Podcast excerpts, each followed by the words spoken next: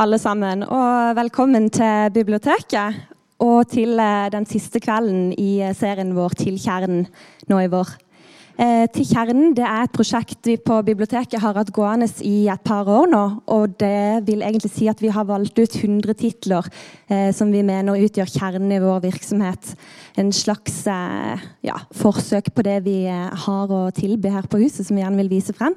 Eh, hele lista ligger også på nett, bare sånn at dere er klar over det. Kan finnes på nettsidene våre.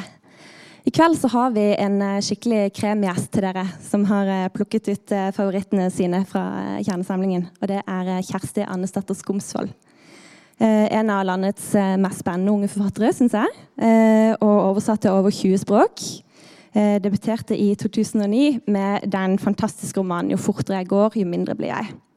Eh, siden det så har hun utgitt eh, to romaner, en diktsamling og eh, også en barnebok. Og rukket å dramatisere oppsetningen av 'Jo fortere jeg går' på Nationaltheatret. Men i kveld så skal det handle aller mest om andre forfattere. Og vi gleder oss veldig til å høre om de fire titlene som du har plukka ut av kjernesamlingen vår. Så ta godt imot Kjersti Annestad Skomsvold.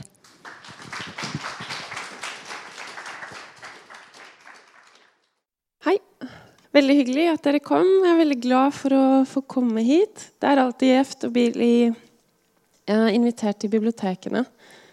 Eh, da jeg var liten, så holdt biblioteket til i samme hus som svømmehallen. Så jeg forbinder liksom det å svømme med det å gå i biblioteket. Og jeg tenker at det også har litt sånn samme funksjon for meg nå. For det er sånn, Hvis det er masse støy, og jeg ikke vet hva jeg, hva jeg tenker, så hjelper det alltid å svømme under vann. Så bare er det tre tanker igjen. Og det er litt det samme som skjer når jeg går inn i et bibliotek, sånn som her. At uh, all den støyen utenfra forsvinner, og at den gode litteraturen vasker vekk alt det uvesentlige. Og apropos god litteratur, så har jeg da fått velge fra kjernesamlingen. Og det er litt Uh, ja, du sa jeg hadde valgt favorittene mine. Jeg har også valgt litt sånn hm, Den boka burde jeg jo ha lest for lenge siden. La meg lese den nå og se hva jeg synes. Og den første boka jeg skal snakke om, det var den aller første boka jeg leste etter at jeg hadde bestemt meg for å bli forfatter. Uh, jeg visste ikke hva det ville si å være forfatter, men jeg visste at det ville sette meg i en annen posisjon enn den jeg befant meg i. Og jeg hadde ingen anelse om hva det innebar, og ikke hva det betydde å skrive god litteratur. Men, og jeg skjønte også da at jeg måtte lese. Eh, og det skulle også Jeg visste heller ikke hva det ville si da, å være en god leser. Og det skulle ta ganske lang tid før jeg ble en. Men i hvert fall Jeg begynte med Dostojevskij. 'Forbrytelse og straff'. Så nå har jeg skrevet fire sånne små essay om disse fire bøkene jeg skal snakke om nå. Og begynne med forbrytelse og straff. Ja, inn i menneskesinnet. Forbrytelse og straff. Det var gruvekkende lesning fra begynnelsen. Leseren skjønner raskt at hovedkarakteren Raskolnikov skal begå et mord. Ta livet av den ekle og usympatiske pantelånersken. Selv om Raskolnikov og også leseren foreløpig befinner seg i fornektelse. Å komme rett inn i en slik sinnstilstand som Raskolnikov befinner seg i, er en skremmende opplevelse.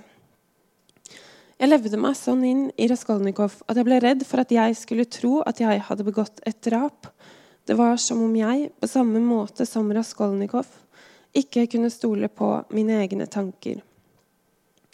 For Raskolnikov forstår jo ikke at han skal kunne gjøre noe så forferdelig. Samtidig som han forstår, han vet at det kommer til å skje. Og det samme opplever leseren.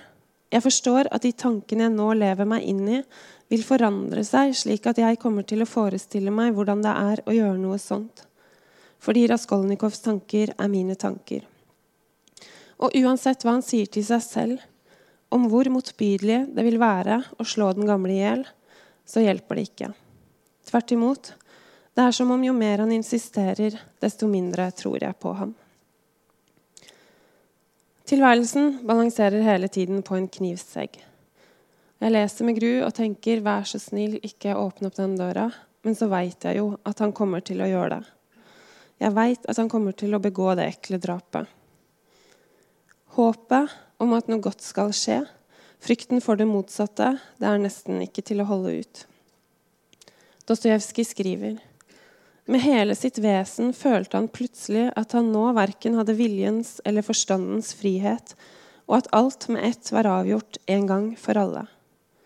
Og på samme måte mister jeg som leser viljen og forstandens frihet. Jeg vil ikke lese videre, men klarer ikke å la det være. Og det skumleste av alt, syns jeg, er at det er det å tenke i seg selv som fører Raskolnikov ut i ulykken.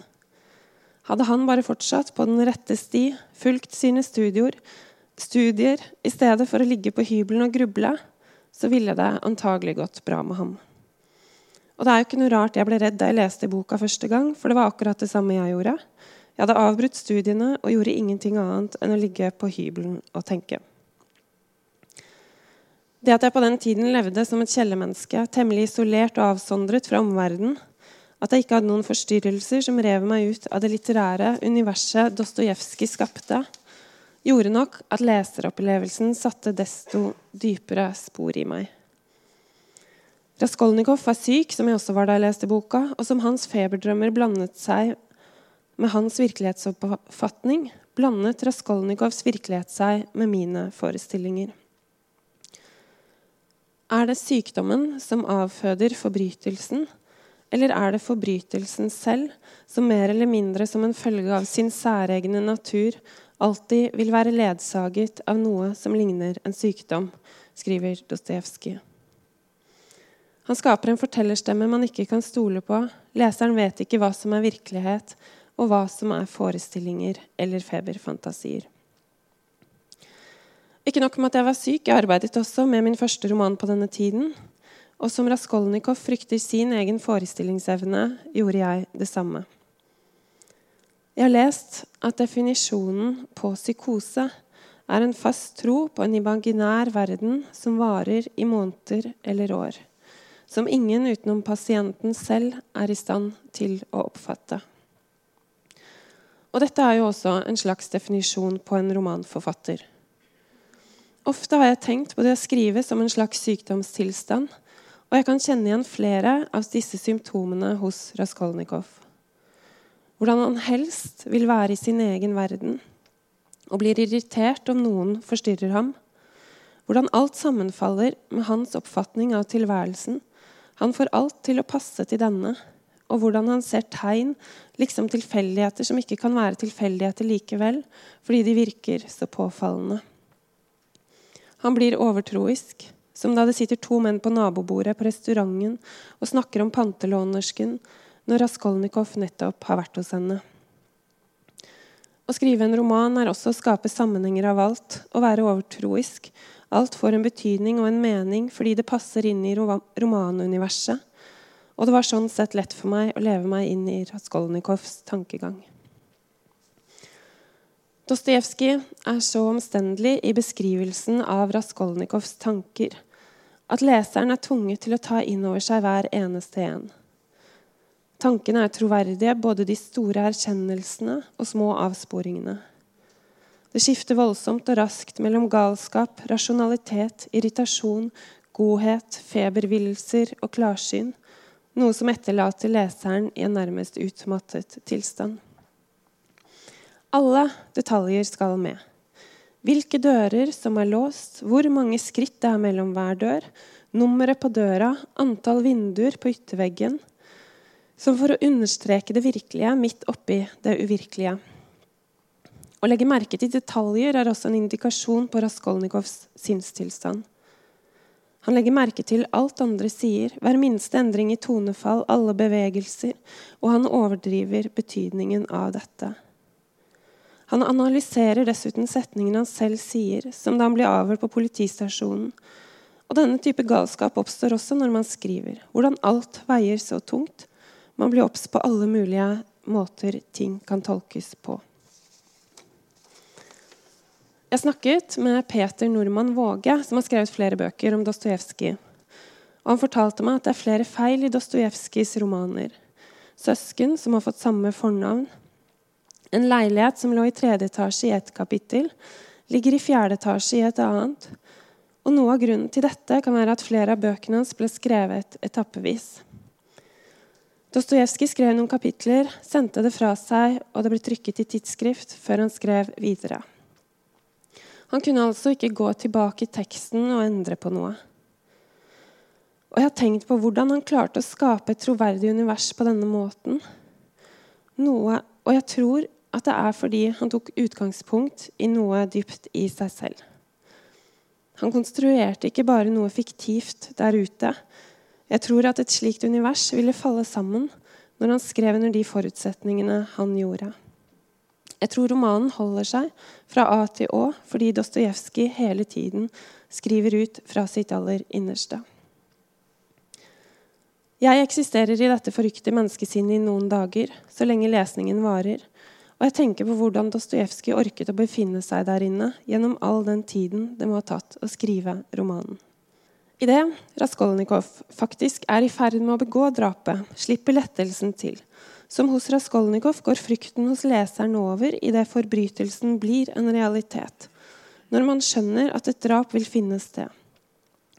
Det gjør meg kvalm å lese om pantelånerskens fete hår oppsatt i en rottehalelignende flette, og øksen som treffer henne i issen. Da står jeg der ved siden av Raskolnikov inni Raskolnikov. Forfatteren viker aldri en tomme fra karakteren, og noe av det mest forbløffende med Dostojevskij er hans evne til innlevelse og empati. Etter drapet begynner en ny gru. Jeg gruer meg til Raskolnikov skal bli avslørt, samtidig som jeg nesten ikke holder ut denne ventetiden, og derfor ønsker at han skal bli avslørt. Jeg vet jo at det bare er et spørsmål om tid før han blir tatt. Støtt gjør han, nærmest med hensikt, virker det som, noe dumt som knytter ham til drapet. Denne mangelen på forståelse av hva som er virkelig og hva som ikke er virkelig før drapet, finnes også der etter at pantelånersken er død. Har Raskolnikov virkelig gjort noe så motbydelig?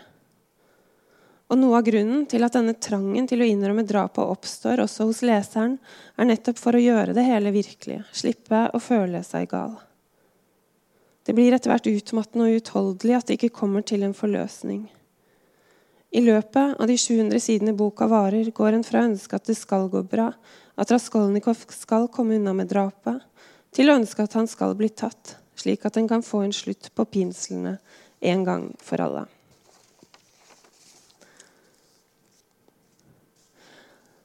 Det er ikke bare Raskolnikov som skinner gjennom som et helt menneske i denne romanen. Dostojevskij skaper også andre karakterer som leseren lever seg inn i, føler empati og medlidenhet for. Gjennom lange monologer lar han karakterene vise seg frem, og de blir troverdige gjennom at de er gitt sitt unike språk. De er ofte komplekse figurer, og jeg forstår ikke alltid handlingene deres. Men jeg tror likevel på dem som mennesker. Det er mennesker som gjør et uutslettelig inntrykk på en. Det er dette den kjente russiske filosofen og litteraturviteren Mikhail Bakhtin kaller polyfoni eller mangestemmighet. Dostojevskij lar sine personer få komme til orde, komme med sine argumenter, lar dem forsøke å overbevise leseren, selv om han selv kanskje ikke liker dem. I 'Forbrytelse og straff' ser jeg scenene utspille seg foran meg, nærmest som et teaterstykke. Da kunstneren Ellsworth Kelly ble spurt om han hadde noen råd, råd til yngre kunstnere, nevnte han noe Brancusi hadde sagt. Take a piece of wood and stare at it. Dostojevskij lar ett og ett menneske komme inn i Raskolnikovs lille værelse hvor store deler av romanen utspiller seg. Legen, tjenestepiken, søsteren, moren. Og han lar, lese, han lar oss lesere stirre på og studere dem, slik at vi skal forstå disse karakterene. Det er ikke en hånd eller sinnsbevegelse som, som ikke blir registrert, og alt sier noe om vedkommende. Blant annet skriver han om en av de besøkende.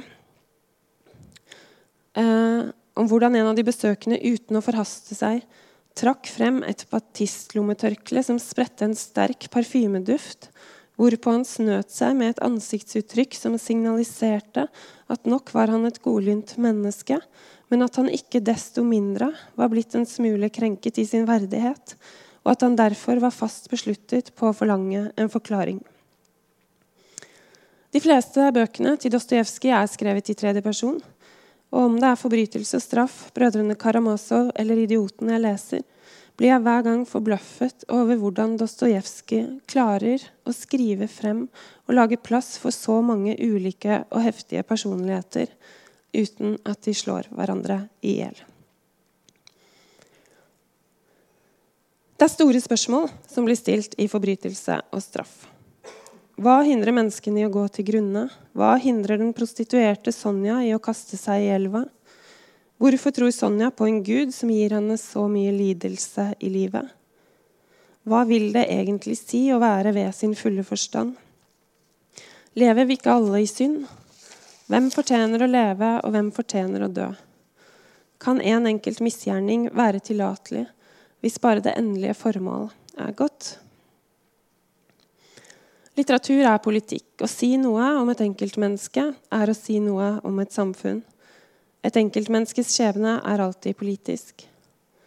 Om forfatteren klarer å skape karakterer leseren kan leve seg inn i, og lar leseren oppnå erkjennelser gjennom denne innlevelsen, syns jeg det er et sterkere virkemiddel enn når forfatterens agenda er åpenbar og blir skrevet rett ut. Jeg opplever igjen og igjen at jeg blir sterkest truffet jo mer subtil forfatteren er. Dersom forfatteren preker moral, vokser straks motstanden i meg. Jeg opplever at Dostojevskij gjør begge deler. Han er både direkte og indirekte politisk. Når han skaper en karakter som jeg lever meg inn i, en morder, gjør det at jeg tenker mer over betydningen av forholdet mellom forbrytelse og straff enn en moralsk utlegning gjør. Dostojevskij lar Raskolnikovs rasjonelle grunner for forbrytelsen, ikke bare de følelsesmessige, komme frem gjennom en artikkel Raskolnikov selv skriver. Så Raskolnikov selv skriver en artikkel da, med de rasjonelle grunnene for forbrytelsen. Men uansett hvor mye Raskolnikov grubler over misgjerningen han har begått, så forblir han, og også jeg som leser, vegelsinnet og usikker når det kommer til det forbryterske ved denne handlingen. Forandringen Raskolnikov til slutt gjennomgår, skjer ikke i intellektet. Da jeg leste boka for første gang, så ble jeg så skuffet over slutten at løsningen på alt liksom var å bli kristen. Andre gang leste jeg noe annerledes. Da handlet Raskolnikovs omvendelse mer om å åpne seg for kjærligheten og la seg forandre av et annet menneske. Dette andre mennesket, Sonja, er riktignok nærmest som en Kristusskikkelse å regne. Et menneske som er i stand til å ta på seg andres lidelser. Men jeg syntes det var greit. Kanskje er jeg blitt litt snillere i lesingen på disse tolv årene. For det er ingen selvfølge at Raskolnikov skal klare å åpne seg for et annet menneske. Og her minner han meg om en annen av Dostojevskijs karakterer, som ligger mitt hjerte aller nærmest, nemlig jeg-fortelleren i opptegnelser fra et kjellerdyp. Som Raskolnikov er kjellermennesket en sympatisk person i all sin usympatiskhet. Han er klønete sosialt, lever seg inn i sine egne forestillinger, liksom tvinger dem på verden så når han tenker at noe vil gå galt, så går det nødvendigvis galt. Han dytter hele tiden seg selv ut på kanten av stupet. Det er de små tingene han snubler i, det subtile, som en kommentar eller et blikk. Han er som Raskolnikov et svært følsomt menneske som tar seg selv veldig alvorlig. Han veksler mellom å være misantrop og ha et ønske om å omfavne hele menneskeheten. Og han veksler mellom å føle seg genial og som en usling. Hjalmar Sødeberg skriver i sin roman 'Dr. Glass' at helst så vil man bli elsket. Og hvis man ikke blir, hvis man ikke blir det, så vil man bli beundret. Og hvis man ikke blir det, så vil man bli fryktet. Og hvis ikke det, så vil man bli avskydd og foraktet. Man vil inngi menneskene med en eller annen slags følelse. Og dette er noe jeg kjenner veldig igjen i både i Raskolnikov og kjellermennesket. 'Forbrytelse og straff' er kalt verdens mest berømte kriminalroman. Men skyldspørsmålet er klarlagt helt fra begynnelsen av, akkurat som i 'Dr. Glass'. Og drapstilståelsen kommer også på samme måte som i 'Dr. Glass', som følge av et behov for å fortelle om det grufulle til noen. En morderen ser opp til, og med et ønske om at vedkommende likevel ikke skal forakte ham. Raskolnikov forteller da om sin forbrytelse til Sonja. Jeg ville våge det, Sonja. Derfor drepte jeg. Jeg ville bare gjøre et vågestykke, Sonja. Det var hele grunnen. Sonja vil at han skal melde seg til politiet, men Raskolnikov sier, 'Hvilken skyld har vel jeg overfor andre mennesker?' Og han sier videre til Sonja, du har også gått over grensen, har også vært i stand til å gå over grensen. Du har lagt hånd på deg selv, også du har tatt liv. Ditt eget liv, det kommer ut på ett. Du kunne ha levd et liv i ånd og fornuft, men du endte på Høytorvet. Men du vil ikke klare å holde det ut. Hvis du forblir alene, kommer du til å bli forrykt, akkurat som jeg. Alt nå virker du sinnsforvirret. Altså har vi bare én vei å gå, og vi må gå den sammen. Kom, så la oss gå. Selv om Raskolnikov kan være svært krass og direkte mot Sonja, gir hun ham kjærlighet og hengivenhet tilbake. Og jeg leser også boka som en kjærlighetsroman. Det er som om forbrytelsen og dommen ikke er noe som skjer Raskolnikov, for det endrer ham ikke. Det endrer ikke hjertet hans. Og det er først da han makter å åpne seg for kjærligheten til Sonja, at han opplever hva det vil si å leve.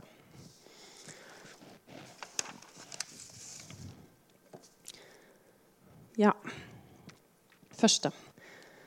Og så valgte jeg en på lista som jeg egentlig ikke hadde noe forhold til. Men, øh, og det er Sylvia Plath, 'Glassklokken'. Um, hun ble født i 1932 i Boston og flytta senere til England.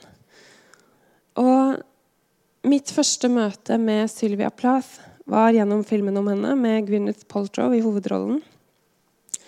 Og Det eneste jeg husker fra den filmen, var at hun sitter igjen naken på senga mens den utro mannen hennes reiser seg opp og begynner å ta på seg klærne og sier at han skal til kjæresten sin. Og jeg var så rystet. Jeg så den rystelsen jeg kjente i Sylvias ansikt, og tenkte at jeg aldri kunne være sammen med en mann. Og Jeg fortalte det til en venninne mange år senere. Jeg gikk fremdeles og tenkte på den scenen. Og Da begynte hun å le veldig, selv om jeg var helt alvorlig. Hun sa at alle sier 'stakkars Sylvia Plath' og hun andre som var sammen med Ted Hughes. Ingen sier at han var jo litt uheldig, han også. To damer, og begge tar livet av seg. Og det er kanskje betegnende for Sylvia Plath at man vet mye om livet hennes allerede før man har lest noe hun har skrevet. Jeg visste alt om selvmordet hennes, hvordan hun lå med hodet i ovnen mens barna sov i naborommet, om den utro mannen av en poet, og jeg visste dette før jeg hadde lest et eneste dikt. Så det var nå på tide at jeg tok fatt på noe av hennes litterære produksjon.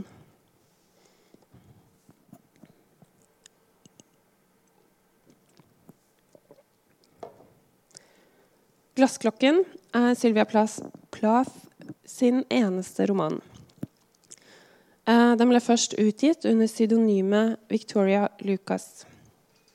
Og I en beskrivelse av boka til moren skrev Sylvia Det jeg har gjort, er å kaste sammen hendelser fra mitt eget liv. Fiksjonaliserte for å gi farge. Det er en potboiler, egentlig.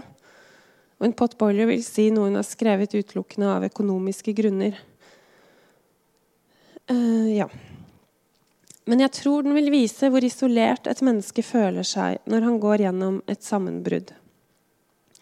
Jeg har prøvd å forestille meg min verden og menneskene i den som om jeg har sett dem gjennom den, forvridde glass, det forvridde glasset i en glassklokke.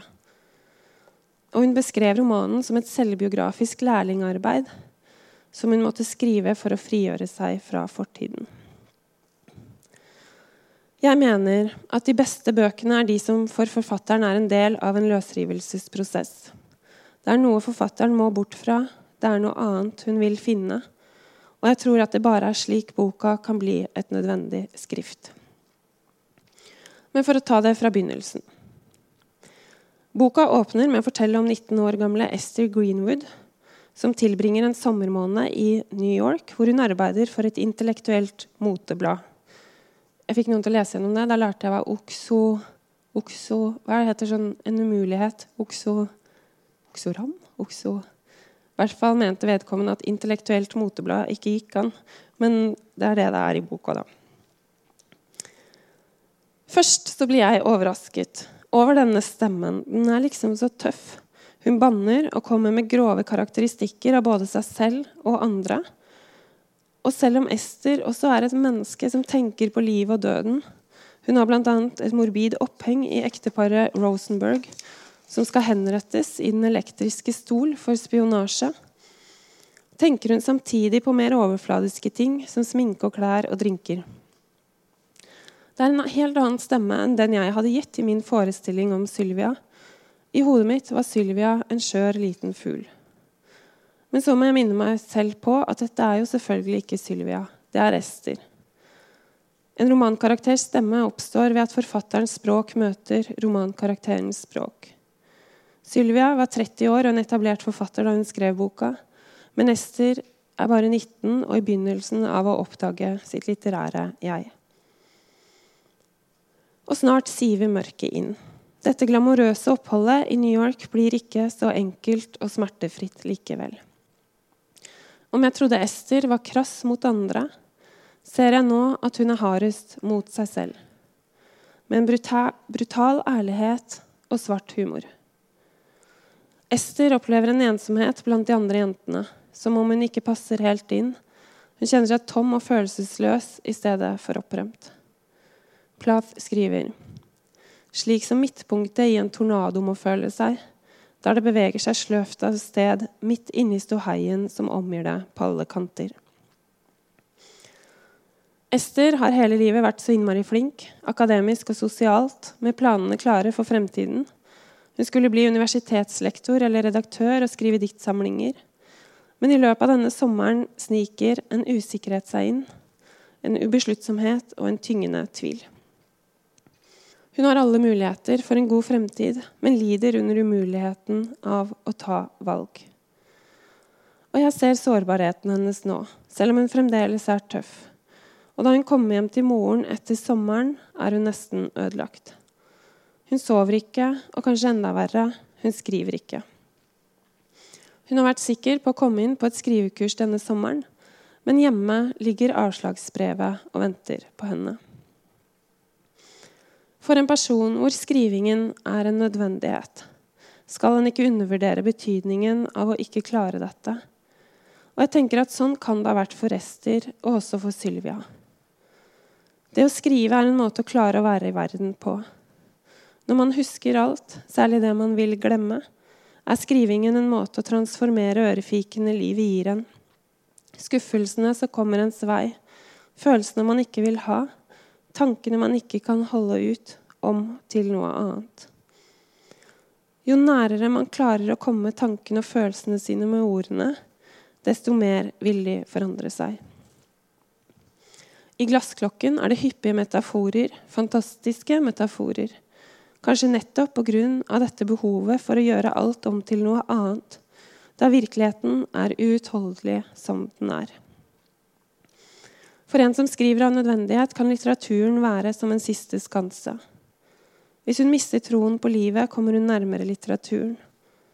Hvis hun mister troen på litteraturen, har hun mistet alt. Hvis hun ikke kan leve seg inn i fiksjonen, kan hun ikke leve. Ester er suicidal fordi hun tror hun aldri vil klare å skrive igjen.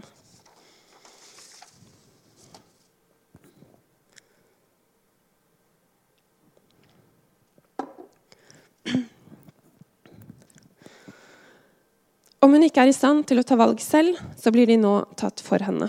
Da moren sender henne til psykiater Gordon, som utsetter henne for tvungen sjokkterapi. Det er umulig å lese om dr. Gordon uten å tenke på Amalie Skrams professor Hieronymus i romanen hun skrev fra sine opphold på mentalinstitusjon. Både dr. Gordon og Hieronymus blir symboler på den patriarkalske maktutøvelsen. Glassklokken berører også dette temaet på andre områder. Bl.a.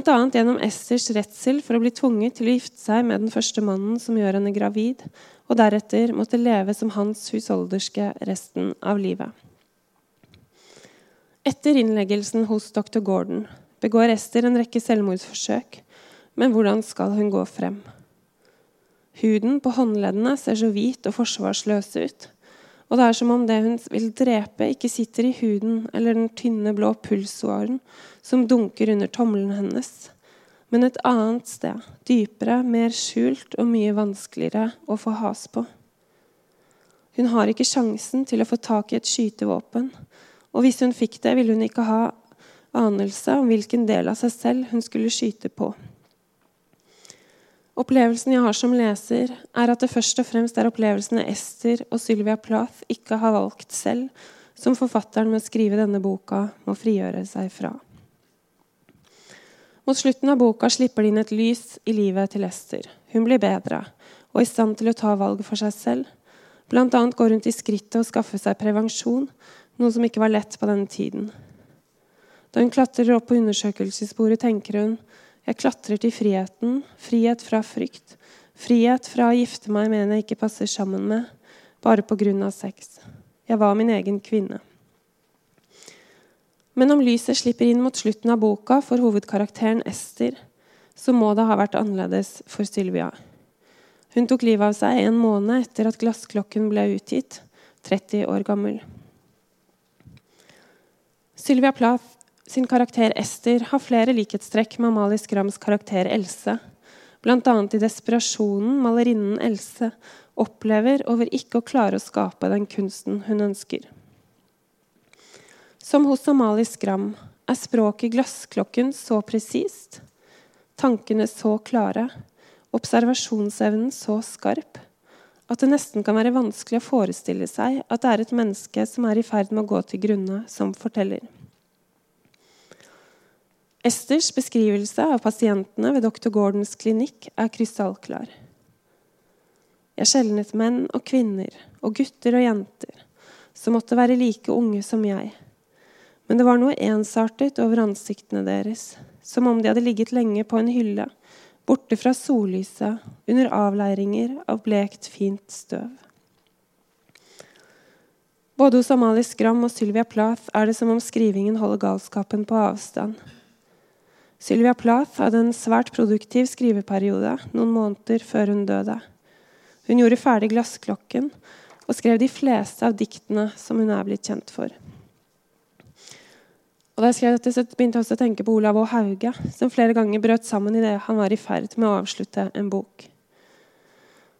For noen forfattere er det kanskje sånn at så lenge de er i stand til å feste tankene til papiret, kan de holde hodet over vannet, men uten skrivingen så blir dette svært vanskelig. Jeg har to bøker igjen. Så fra Russland og USA skal vi hjem til Norge. Eh, og til Kjell Askildsen. Eh, for da vil jeg snakke om alderdom i litteraturen. Alderdom og død. Eh, for da den første boka mi kom ut, så var det dette jeg fikk flest spørsmål om. Og jeg hadde ikke lest så mange bøker om eldre mennesker, og jeg lurte på hvorfor. Uh, USAs kanskje største nålevende forfatter, Philip Roth, sa om sin bok 'Everyman', hvor hovedpersonen er aldrende. Jeg vet ikke selger bøker. Her er en bok om døden. Dere kommer til å elske den. Og han fortsatte. Sykdommene blir de første skrittene mot døden, ikke bare tilfeldigheter. Livet trenger seg ikke på, men livet er på en måte noe sekundært i forhold til sykdommens faste rytme. Det handler sånn sett om livet som kampen for å holde seg i live. Og jeg lurer på om det er sånn at vi ikke ønsker å bli minnet om den skremmende og nedverdigende prosessen det er sakte, men sikkert å forsvinne.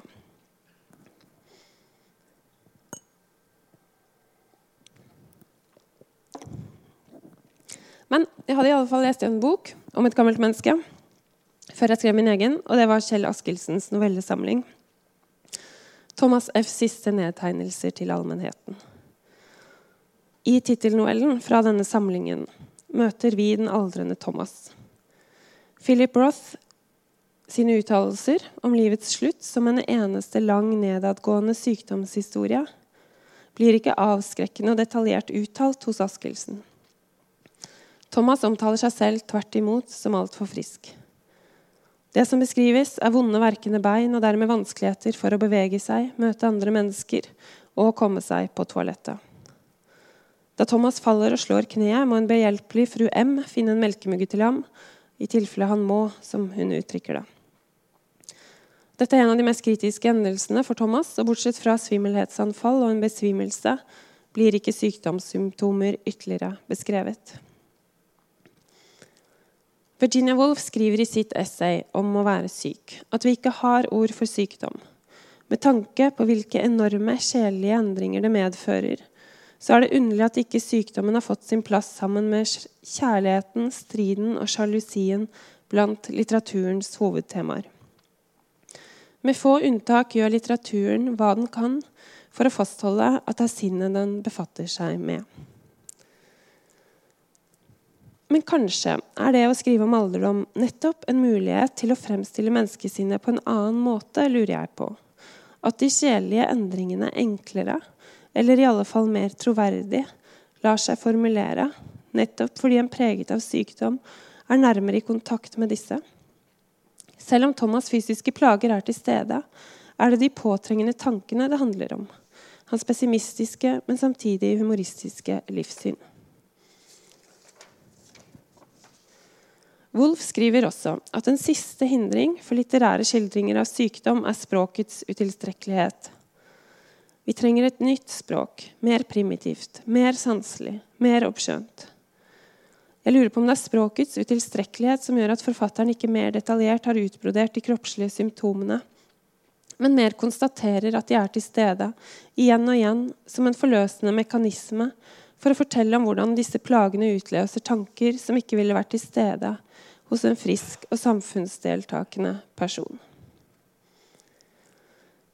Det er bare de sengeliggende som erkjenner hva naturen, når det kommer til stykket, ikke gjør seg umak med å skjule, at den skal seire til slutt, skriver Wolf.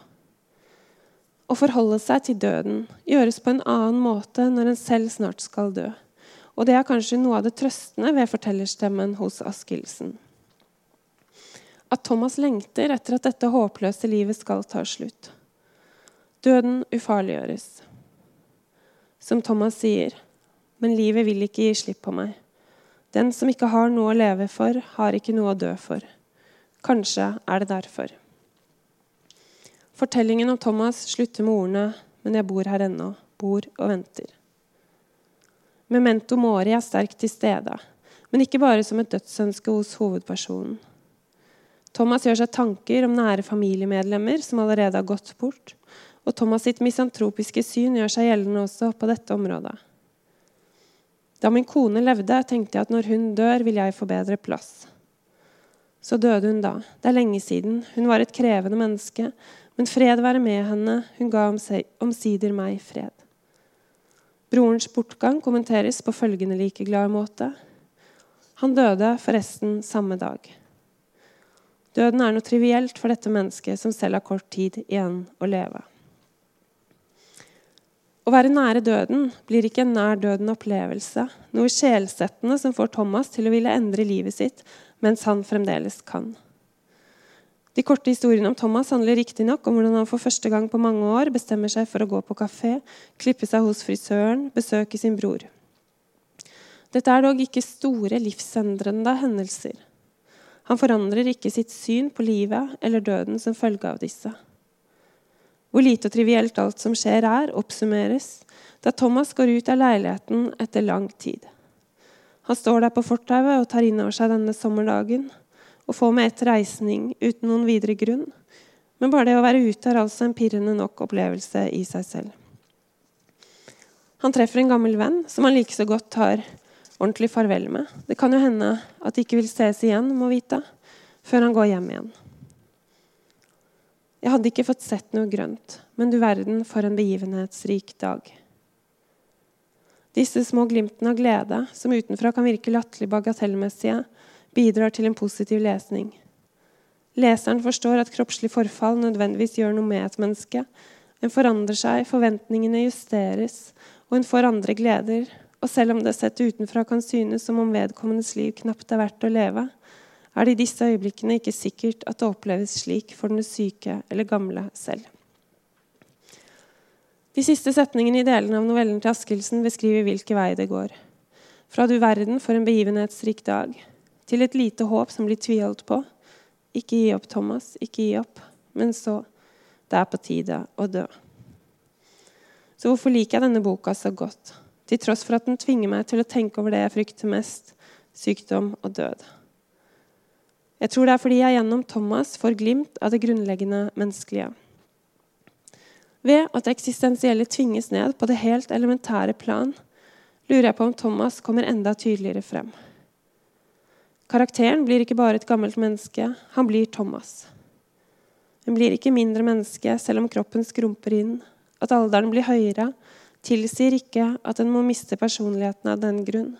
Kanskje snarere tvert imot. Og kanskje jeg, i motsetning til hva Philip Roth tror, vil elske å lese en bok om døden.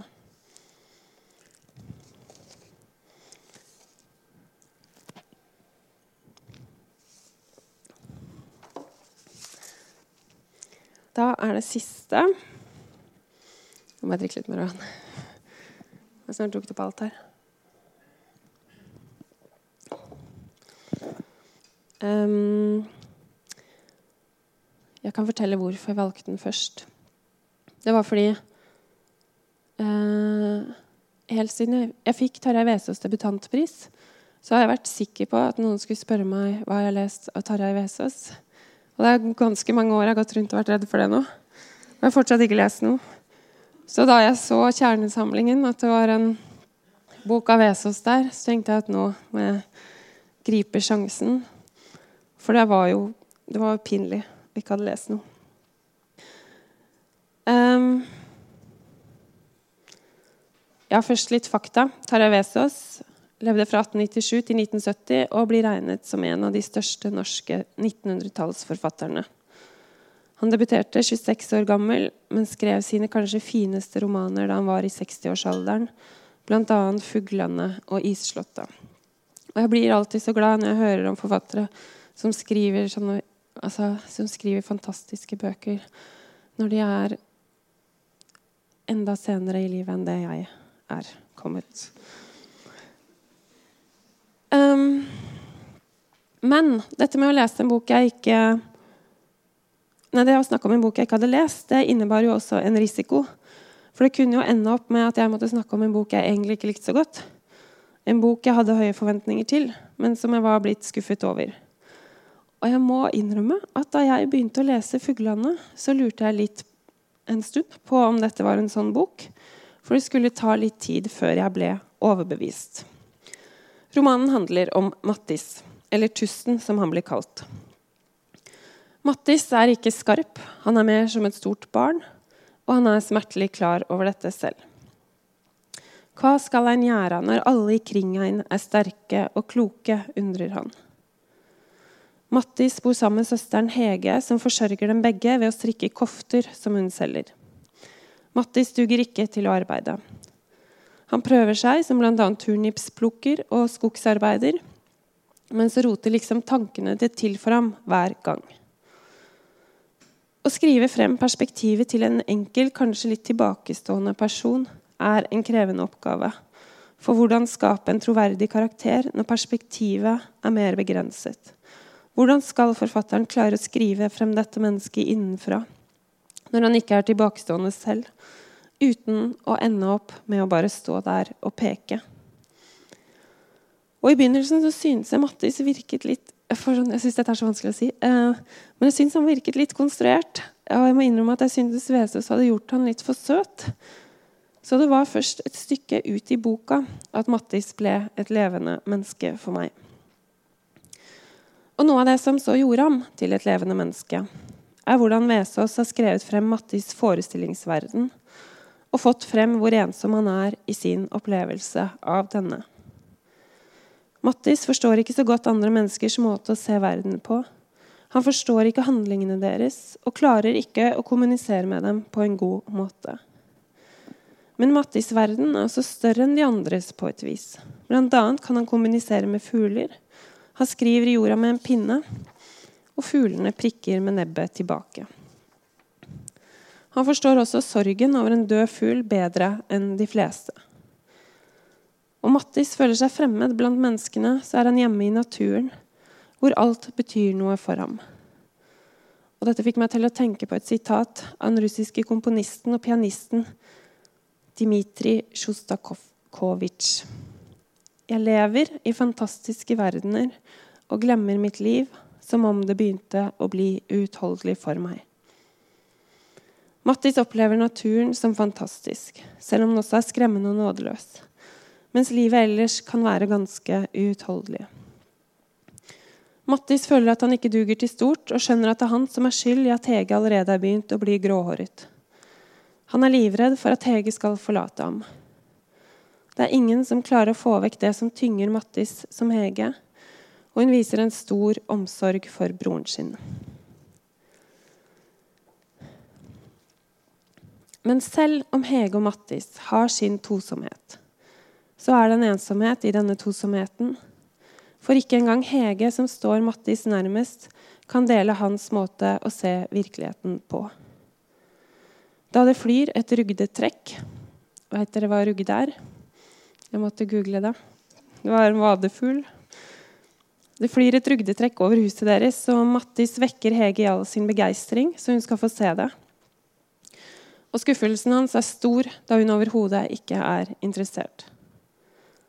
Vesaas skriver frem det sårbare forholdet mellom søsknene, slik veldig nære forhold er sårbare. Hege kan ødelegge hele Mattis forestillingsverden med en krass setning, som da Mattis oppglødd forteller henne om den fine drømmen han har hatt. Og Hege sier at drømmen er bakvendt, at man drømmer motsatt av det som blir sant. Hun klandrer nok Mattis for det harde og ensomme livet hun lever. Forståelig nok. Livet har gått forbi henne. De er rundt 40 år begge to og skulle jo for lengst ha sluppet noen andre mennesker inn. Mattis drømmer mye, og ofte om jenter, om det å ha en kjæreste.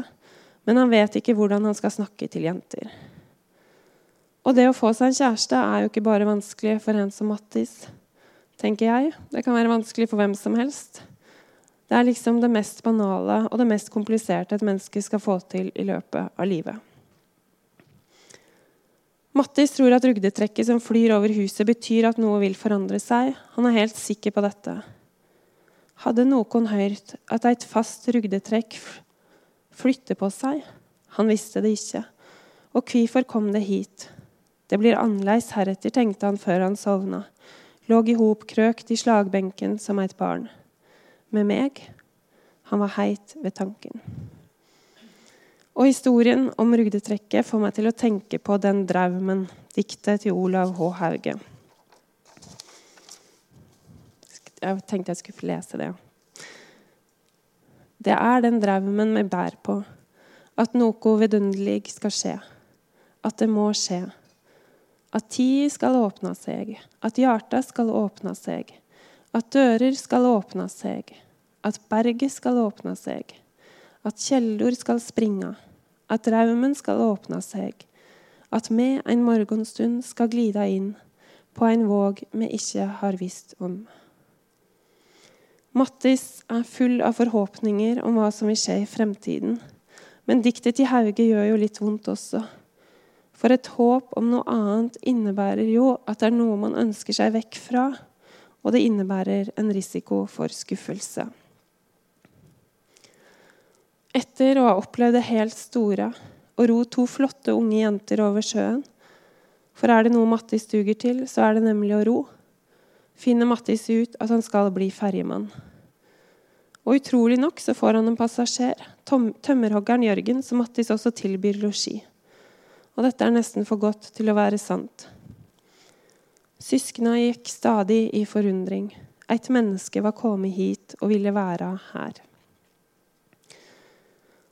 Mattis merker at det skjer en forandring med Hege. Den skjøre tosomheten deres trues da Hege forelsker seg i Jørgen. Mattis skjønner at dette er en annen type kjærlighet enn den hun føler for ham. En kjærlighet han aldri kan konkurrere med. Men selv om verden forandrer seg fullstendig for Mattis da Jørgen kommer inn i livene deres, er det noe annet som ikke forandrer seg.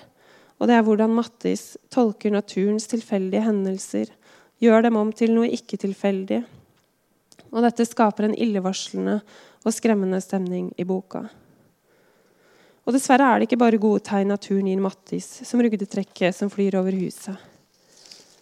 Det står to tørre ospetrær like ved der de bor, og Mattis har fått med seg at disse på folkemunne blir kalt for Mattis og Hege. Så da lynet slår ned i det ene treet, er spørsmålet bare om det er Mattis eller Hege som har fått et ille varsel. Dette forteller han ikke til noen, ikke Hege engang, og han må bære på redselen helt alene. Naturen er nådeløs og uforutsigbar, og likevel lar Mattis naturen bestemme over livet sitt og hvordan det skal gå med ham til slutt. Tarjei Vesaas sa en gang selv dette om boka si 'Fuglane'. Det er i grunnen ei bok om den såkalla kunstnerens situasjon i tilværet.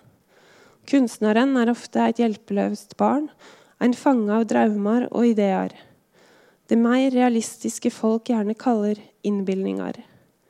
Han har store stunder og trange stunder. Iblant kjennes alt som et rot. Vesaas sa også at 'jeg kjem nærast sanninga om tusten' ved å kalle han et sjølportrett med visse atterhold. Jeg tror dette er noe av grunnen til at 'Fuglene' regnes som Tarjei Vesaas' hovedverk, og at så mange lar seg gripe av historien om Mattis. Jo nærere forfatteren kommer egne tanker og følelser når han skriver, desto mer vil det gjelde alle andre. Jo mer subjektiv han gjør historien, desto mer allmenngyldig blir den. Vesaas har klart å gjøre Mattis forestillingsverden, Mattis ensomhet, hans følelse av å komme til kort og hans redsel for å miste sin nærmeste, om til noe leseren kan kjenne seg igjen i. Og det er nettopp dette litteratur handler om. At forfatteren klarer å skape en verden som forløser leserens egen verden. Takk.